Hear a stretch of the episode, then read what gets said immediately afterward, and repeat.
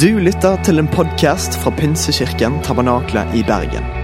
Vi tror at kirken skal være en plass hvor mennesker trives gjennom alle livets faser. En kirke for hele livet. Ønsker du å bli bedre kjent med oss eller holde deg oppdatert? Besøk vår Facebook-side eller ptb.no. Her er ukens tale. Så fantastisk å være her i dag. Tenkte på det i dag på vei her, at eh, det er en stund siden jeg har fått lov til å være med på G12, som er nå G13. Og vi ser noen ganger hverandre når vi går ut av familiegudstjeneste og folk kommer inn. og sånn. Men det er fantastisk å kunne være sammen her i dag. Eh, og spesielt eh, eh, en dag sånn som i dag, hvor vi kan få se så mange som tar en avgjørelse, og, og vise det så synlige for oss som forsamlingen, for Gud, for familien, at de velger å følge Jesus. Så bra. Så Vi er midt i en eh, taleserie som handler om begeistringen. Og jeg har fått lov til å, til å være med på det og, og, dele noe i forhold til det. Og så skal Linda neste uke eh, ta den, den, siste biten av denne serien. Og vi skal ha utgangspunktet eh, i en historie fra Bibelen som er veldig spennende og interessant. Eh, og den finner vi i andre Samuels bok, kapittel 6. Jeg skal fortelle litt, og så kan vi lese sammen om det. I, i kapittel 6 i andre Samuels bok så finner jeg noen spennende historier om Israel og paktkisten. David, som var kongen på den tiden, han forsøkte å, å bringe paktkisten eh, til hovedvien. Til Sion, til Jerusalem. Til hans by. Og Vi leser at første forsøket ikke gikk som, som planlagt. En mann døde, og David ble veldig lei seg. Det står i Bibelen at han eh, ble opprørt over det som hadde skjedd. Og Så bestemte han å, å la kisten eh, bli igjen hos en familie på det området. Men etter tre måneder så prøver David igjen. Og Det er det vi skal lese nå i kapittel 6, vers 12. Da står det da kom David fikk høre at Herren for paktkisten Kjell hadde velsignet eh, over Edoms hus og alt han eide, gikk han med stor glede og førte Guds paktkiste fra huset til Obed Edom opp til Davidsvien.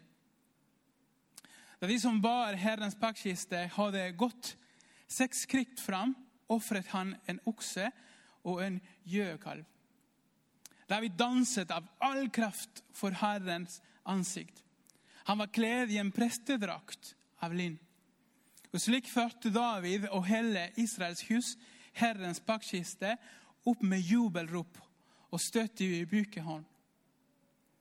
Men da Herrens paktkiste ble født inn i Davidsvi kikket Mikael, Sauls datter, ut av vinduet. Hun fikk øye på kong David, på mannen hennes som hoppet og danset for Herrens ansikt. Og hun foraktet ham i sitt hjerte. De førte Herrens paktkiste inn og satte den på plass i det teltet som David hadde reist for dem. Det var tabernaklet. Og David ba fram brennoffer og fredsoffer for Herren. Da David var ferdig med å være fram brennoffer og fredsofferet, velsignet han folket i navnet til Herren over haskarene. Så delte han ut et lite rundt brød, en eh, dadelkake og en rosinkake til hver mann og kvinne i folket. Den store mengden av israelitter. Så gikk alle hver sitt, eh, til sitt. Men da vi kom hjem igjen for å velsigne sitt hus, kom Mikael, Sauls datter. Hun kom ut imot han og sa hvor høyt Israels kongen er blitt aret i dag, da han viste seg nakken for øynene på tjenestene til menene sine. Slikt lesindige mennesker har det forvannet. Og da vi svarte Mikael, det var for Herrens ansikt jeg danset. For Han som utvalgte meg i stedet for din far. Sånn liten parentes. Og hele hans hus og satte meg til fyrste over Herrens folk, over Israel. Far, jeg ber at du eh, taler til oss gjennom ditt ord, at vi kan få lære noe av det som står der. Jeg ber om det i Jesu navn. Amen. Denne gangen så hadde David planlagt alt til detalj. Han tok eh, på seg den eh, eh, prestedrakt, det beste han hadde. Det var som en seremoni, en gudstjeneste. Han tok med seg prester og dyr og lovsangstime, musikk og folkemengden og alle sammen. En stor fest i Israel. De skulle eh, hente pakkkisten tilbake til det, det stedet hvor, hvor, det hørte til, til hovedstaden, til Jerusalem. Og Da, da, da står det i Bibelen at han hadde en telt som var klar.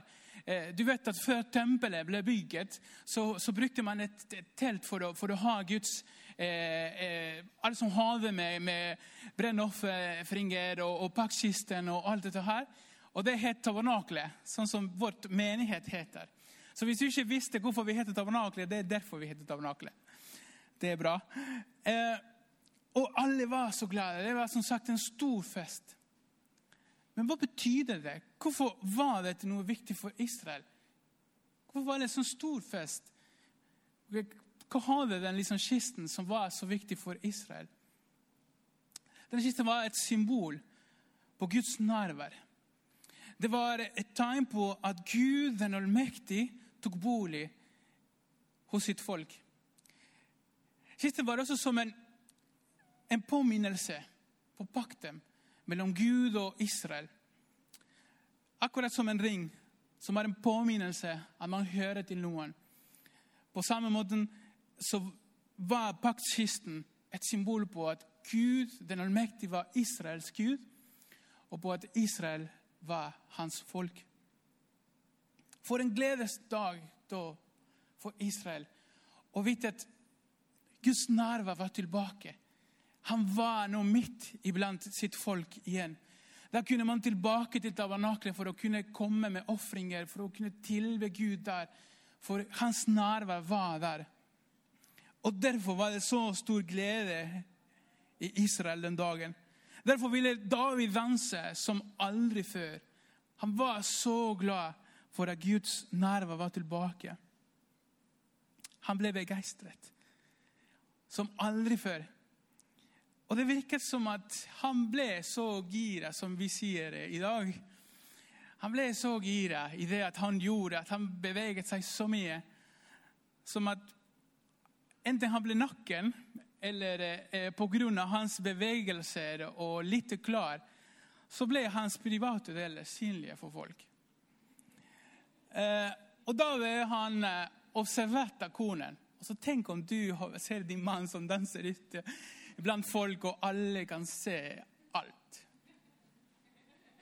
Jeg vet ikke helt hvilken type dans han har, hva som var stil på den tiden. Man kunne gått liksom litt gjennom med 80-tallet, 90-tallet, men det, det, tar for lang tid, så vi skal ikke bruke tid på det. Men han, han var så glad den dagen. Og, men hun klarte ikke å forstå hvorfor han gjorde det. Men tenk hvordan det var for David. Han var midt i liksom en sånn fantastisk Sånn som i dag.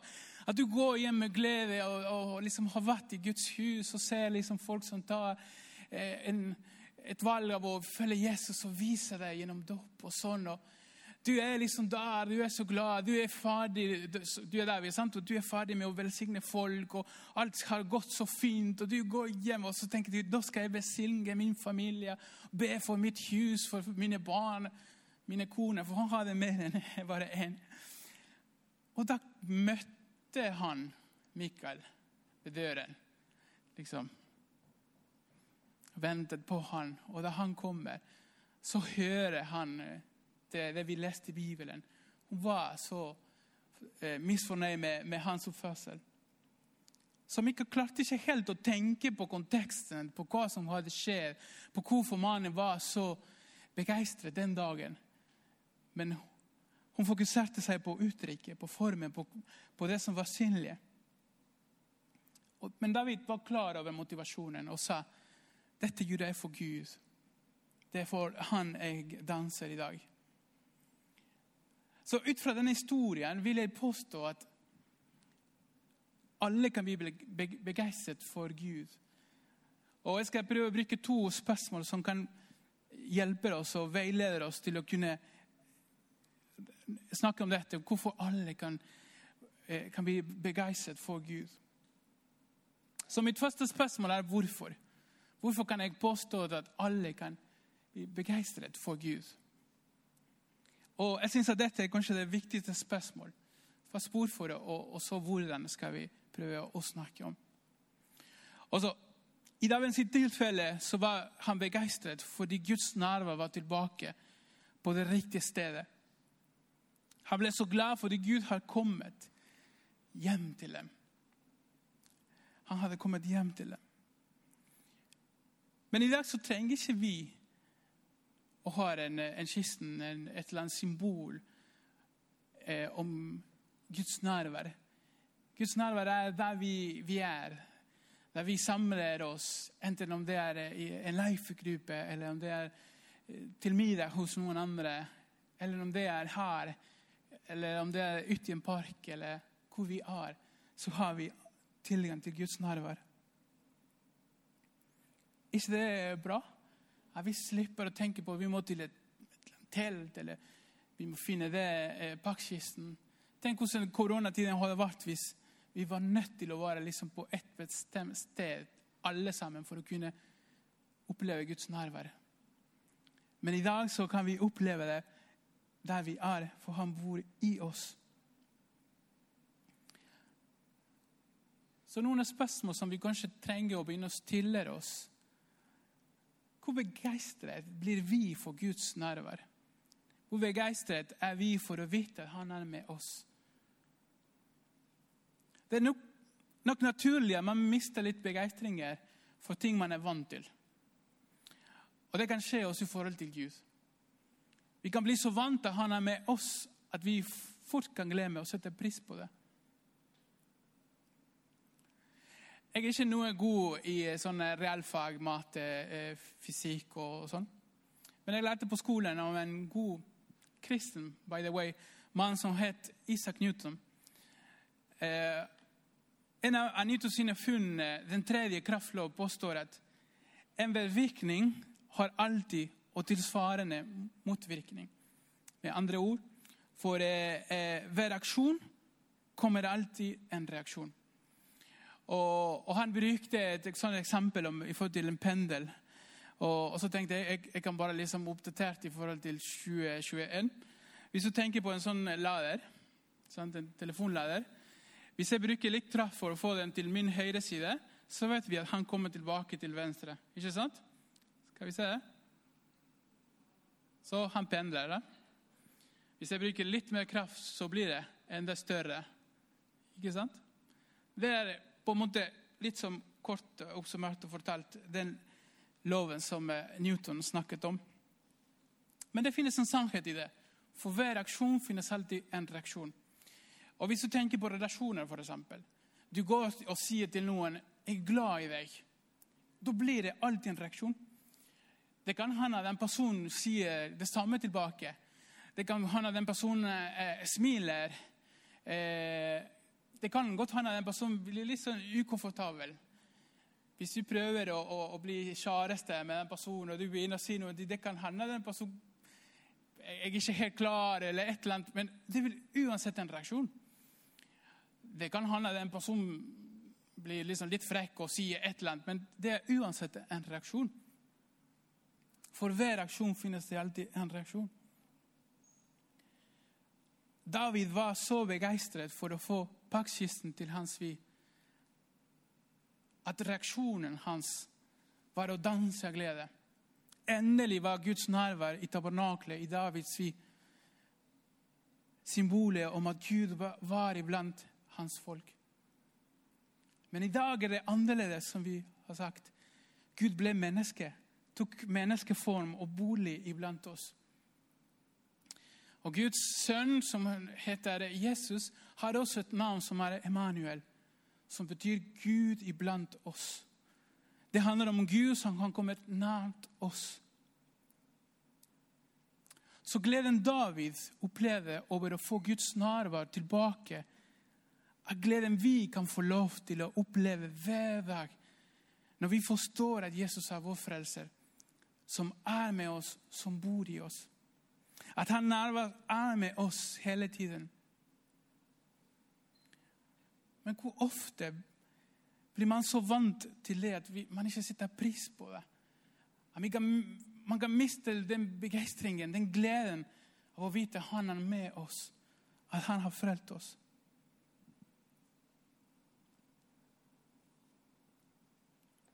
Og Det er ikke min mening i dag å fordømme noen her.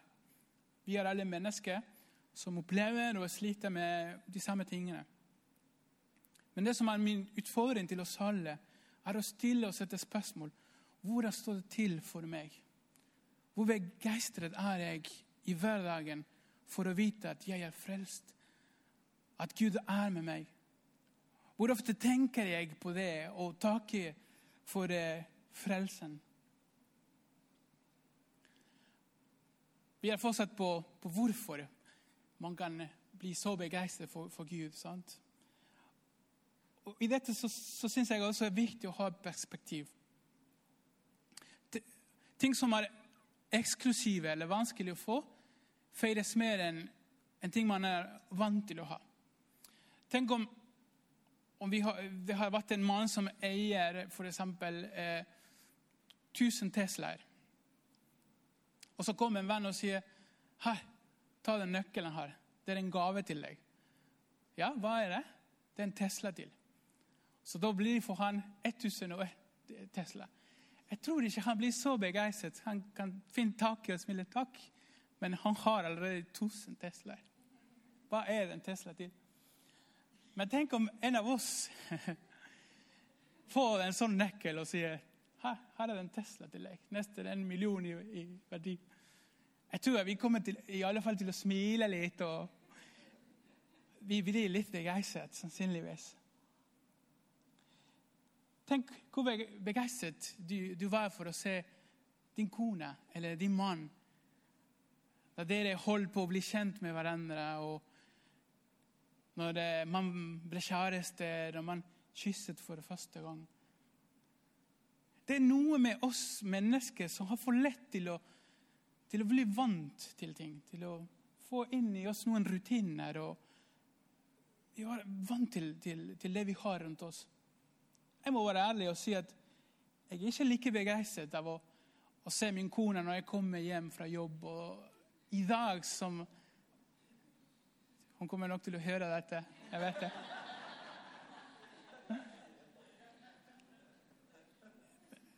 Jeg er ikke like begeistret i dag som jeg var da vi var 18-90, når vi holdt på å bli kjent med hverandre. og Jeg kunne liksom gjøre alt for å, liksom, å bruke den tiden som skulle brukes, bare for å få litt tid med hun som, som eh, var min kjæreste, eller litt før vi ble kjærester. og sånn. Men hva, hva, er det som er annerledes nå? Jeg vet at hun er min. Jeg vet at hun er hjemme. Jeg vet at hun er der uansett. At jeg men jeg visste ikke det før. Jeg visste ikke at jeg hadde henne før ringen liksom ble satt i fingeren. Så var det ikke noe liksom, eh, skrevet noe sted. Men er ikke dette en kjent problematikk, egentlig? At vi kan bli så vant til de vi har rundt oss, at vi glemmer å sette pris på ektefelle, på venner, på familie. Og Vi som er gifte, eh, vet hvor viktig det er å å bruke tid sammen og vise omsorg og kjærlighet for hverandre. Overraske hverandre med et eller annet oppmerksomhet og si hvor mye vi elsker den andre. Og Det samme gjelder for forholdet til Gud. Vi kan bli så vant til Han at vi glemmer å sette pris på ham. At vi kan miste begeistringen vår. I Johannes' åpenbaringen for menigheten i Efesos akkurat denne beskjeden fra Jesus. Han takker deres, deres arbeid og trofasthet, men sa at det er én ting som jeg har igjen. Og det er at dere har forlatt den første kjærligheten.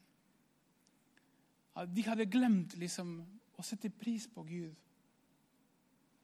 og bli forelsket i Han. Nå nærmer vi oss slutten av faste, dette første spørsmålet. Hvorfor kan vi alle bli begeistret for Gud? Og Det siste som jeg vil si, er at det begynner på innsiden. Jeg vil påstå at begeistringen for Gud begynner på innsiden. Og her kan vi en parentes, noe som ikke står i manuset. For noen ganger kan vi fort liksom misforstå og tenker at begeistringen kommer for at vi gjør ting som er attraktive, at folk vil være med på det og det, og at vi gjør alt for at folk skal bli kjempegira på å være med på noe. og sånn. Men jeg vil påstå at begeistringen begynner på innsiden. Det begynner med at man blir forelsket igjen på den måten som man var. da man tok imot Jesus, da man var ivrig for å bruke tid med Gud, for å være med på møter, på eventer, og være med å tjene, være med på bønnesamlinger. Da man opplever en sånn ubeskrivelig glede av å ha blitt frelst. Den faste kjærlighet.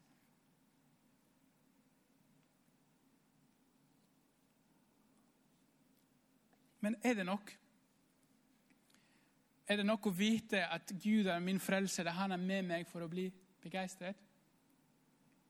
Kanskje vi kan utdype det litt med å hente noe fra, fra psykologi. For det, det, sies at lykkelige folk, folk som er liksom glad i livet og begeistret, og sånn, forstår tre ting.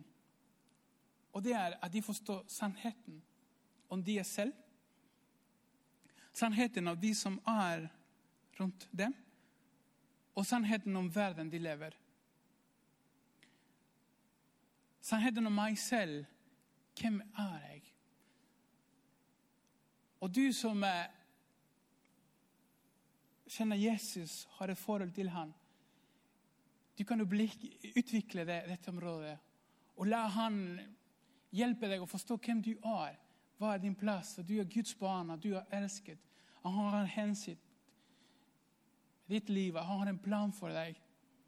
Sannheten om de som er rundt deg ofte folk som eh, opplever liksom, eh, at livet kan være tung og, og eh, ikke finner gleden i livet, kan få fort henge seg med å sammenligne seg med andre folk. Og drive med misunnelse, med, med hevn. Men vi som kristne kan forstå at uansett om hvor mye materielle ting vi har, eller hvor mye vi får til i livet, så er vi alle elsket av Gud på samme måten. Og det hjelper oss å ha en bedre forståelse overfor hverandre. Og det siste er en forståelse at den verden vi lever i For man opplever urettferdighet eh, og vanskeligheter i livet. Og, men vi, vi, som kristne kan, kan få vite at det venter noe mer for oss. At denne verden skal ikke, ikke eksistere lenger en dag. og ting på jorden eh, eh, er og kommer til å være ufullkommen, men det er noe annet som venter på oss. Noe større og perfekt. Det gir oss håp. Så Det kan også hjelpe oss å øke begeistringen i oss. Det å ha bedre forståelse for hvem vi er, hvem er de som er rundt oss, og den verden vi lever i. Og Dere må bare glede seg til neste søndag, for jeg tror Linda skal få seg i noe som er i dette spor. Så det er bra. Hvorfor skal vi begeistre for Gud? Vi er fortsatt der i hvorfor. Fordi en forståelse av hva det betyr å være frelst og ha Hans nærvær, med oss gir en reaksjon av begeistringen og glede. Så da vil jeg spørre deg har du opplevd det før. Søk å tenne det igjen. Tenne igjen den flammen i deg. Har du aldri opplevd det? Har du aldri prøvd den begeistringen for Gud? Be om at han åpner dine øyne for å kunne se og forstå hva hans nærvær og frelse betyr. Så vil reaksjonen til det bli et begeistret hjerte. Så nå har vi snakket om hvorfor. Men jeg vil også si noe om hvordan. Nå har vi snakket om det viktigste spørsmål. Eh, men hvordan? Er det sånn at det er kun de som danser, De som er, er de som er begeistret for Gud, de som hopper og roper og er så synlige, liksom, de reaksjonene. Er det, er det sånn det er? Finnes det en bestemt form eller uttrykk på, for eh, begeistrede folk? Jeg må en gang si at, at hvordan det uttrykkes, er ikke det viktigere, er ikke viktigere enn det som faktisk skjer på innsiden. Og Derfor vil jeg påstå to ting. At det må være ekte, for det første. Det nytter ikke at, at, at, man gjør det de andre gjør, eller at man presser seg til å gjøre noe man er helt ukomfortabel med. Kanskje de fleste av oss har sett hvordan eh, man uttrykker glede i andre land, som afrikanske land f.eks. Man ser liksom at de er så glade og danser og sånn. Og... Men jeg, jeg, ser at det gjenspeiles. Enten om, om jeg ser dem på TV-en og det er en fotballkamp, eller om, om vi ser noen video fra et eller annet møte i, i et eller annet afrikanske land, at det gjenspeiles det, den begeistringen som de har også når de er i en gudstjeneste, f.eks. Det jeg prøver å si at Måten man uttrykker sin begeistring må være ekte. Det som skjer på innsiden, kommer det til uttrykk på utsiden. Og Det David gjorde, var annerledes, kanskje rett for mange men det var ekte. Han brydde seg ikke om folket eh, rundt seg. Han danset for Gud. Men problemet er hvis alle plutselig ville gjøre det samme. Eller om man lager en ny teologi eh, hvor vi utfordrer alle til å danse som David. Og Jeg tror det faktisk finnes noe av dette rundt omkring. Eh, vi, nå, nå, skal vi danse som David, og da vet man at man skal et eller annet Jeg kan ikke dømme eh, andre på hvordan de viser begeistring, hvordan de uttrykker seg. Det er ikke min plass. Men det må være noe ekte. Og Derfor vil jeg si at du, du kan måle deg selv i hvordan begeistringen ville se ut hos deg. En, eh, er du en som hopper, roper og, og, og danser på en fotballkamp, f.eks.? er det kanskje spørsmål om du ville gjøre det samme for Gud.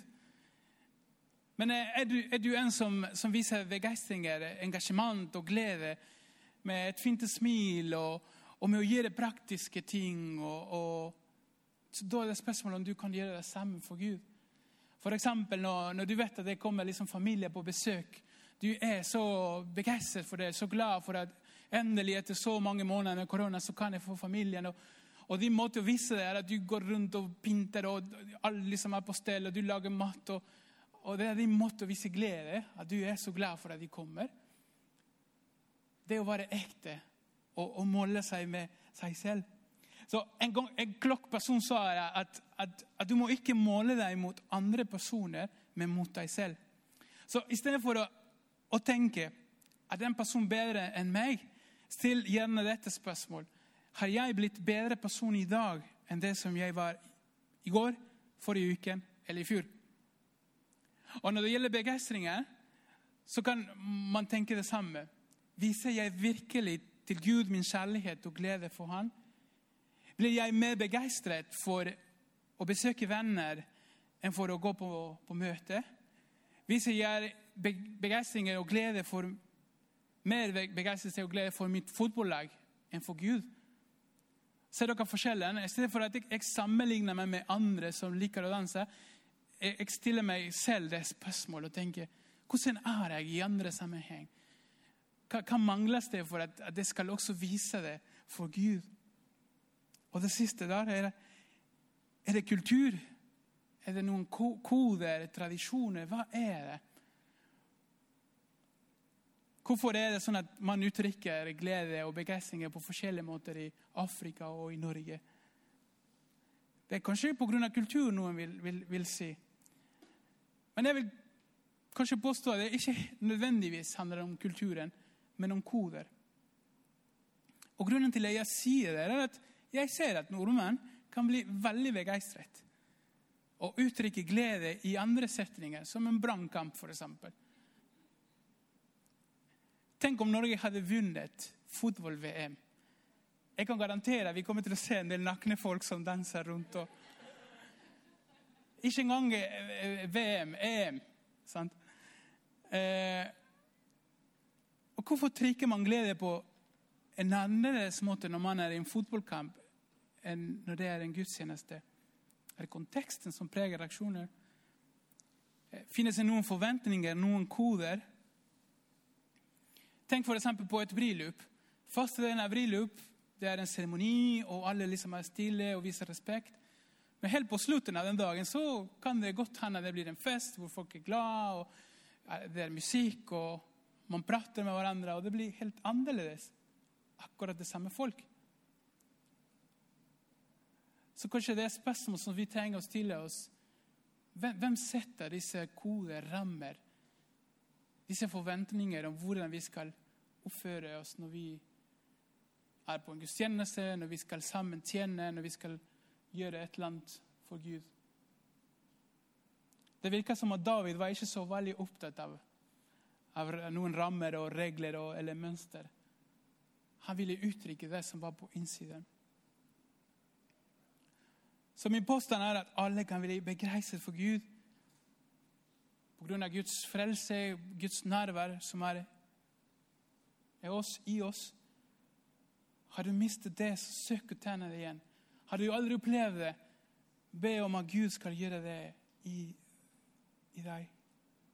At gleden av å være frelst og å være nær ham skal bli så stor at folk skal legge merke til det. Dette kan også hjelpe til en annerledes tilnærming til livet. Til disse store spørsmålene om hvem man er, hvor, hvor man er, hvorfor det er ting som det er i livet.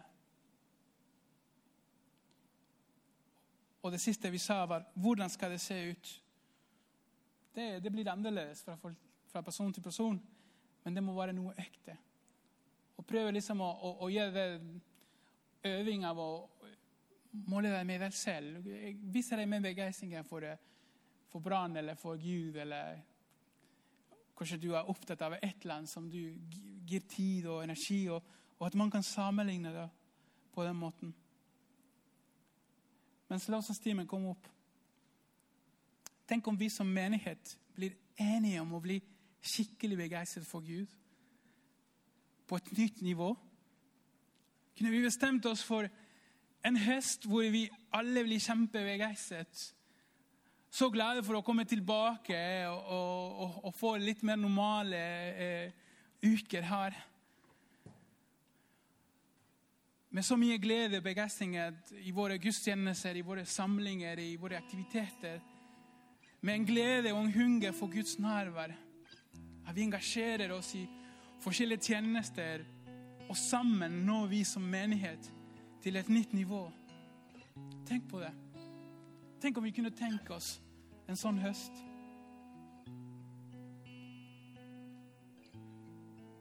Jeg vet at vi, vi nærmer oss slutten av en vanskelig tid for oss og for hele verden.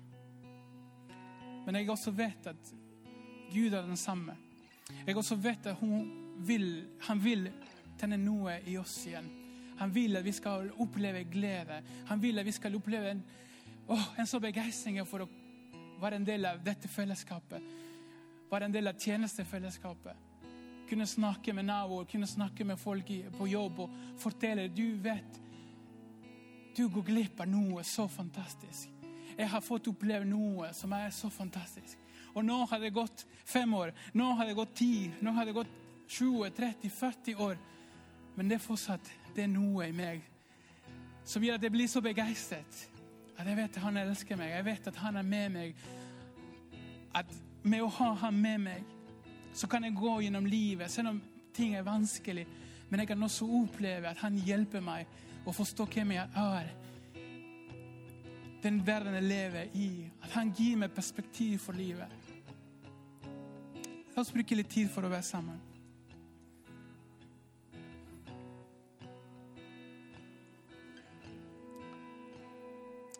Takk for at du er midt iblant oss. Takk for at du ble menneske. Takk for at du tok menneskeform og tok bolig blant oss. Takk for at du ga oss håp. Takk for at vi kan leve med håp. Med en forventning om at du er med oss, at du leder oss gjennom gode og dårlige dager. Men at vi ikke står alene.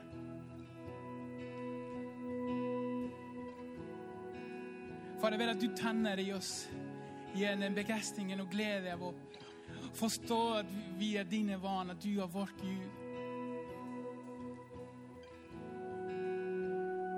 Jeg vet at du tanner i oss igjen en glede og en begeistring av å kunne tjene deg og kunne bygge ditt rike har i Bergen, i Norge og over hele verden. Og jeg ber oss at du hjelper oss å oppleve det hvis vi ikke har opplevd det før. La oss få kjenne at det å, å, å være dine barn og gå sammen med deg i, i, i dette livet er noe så spennende. Noe som gir deg som gir glede. Hjelp oss se Jesus nå som en sommer og høst kommer foran oss å oppleve dette igjen. Oppleve den glede som du vil gi til oss alle. Jeg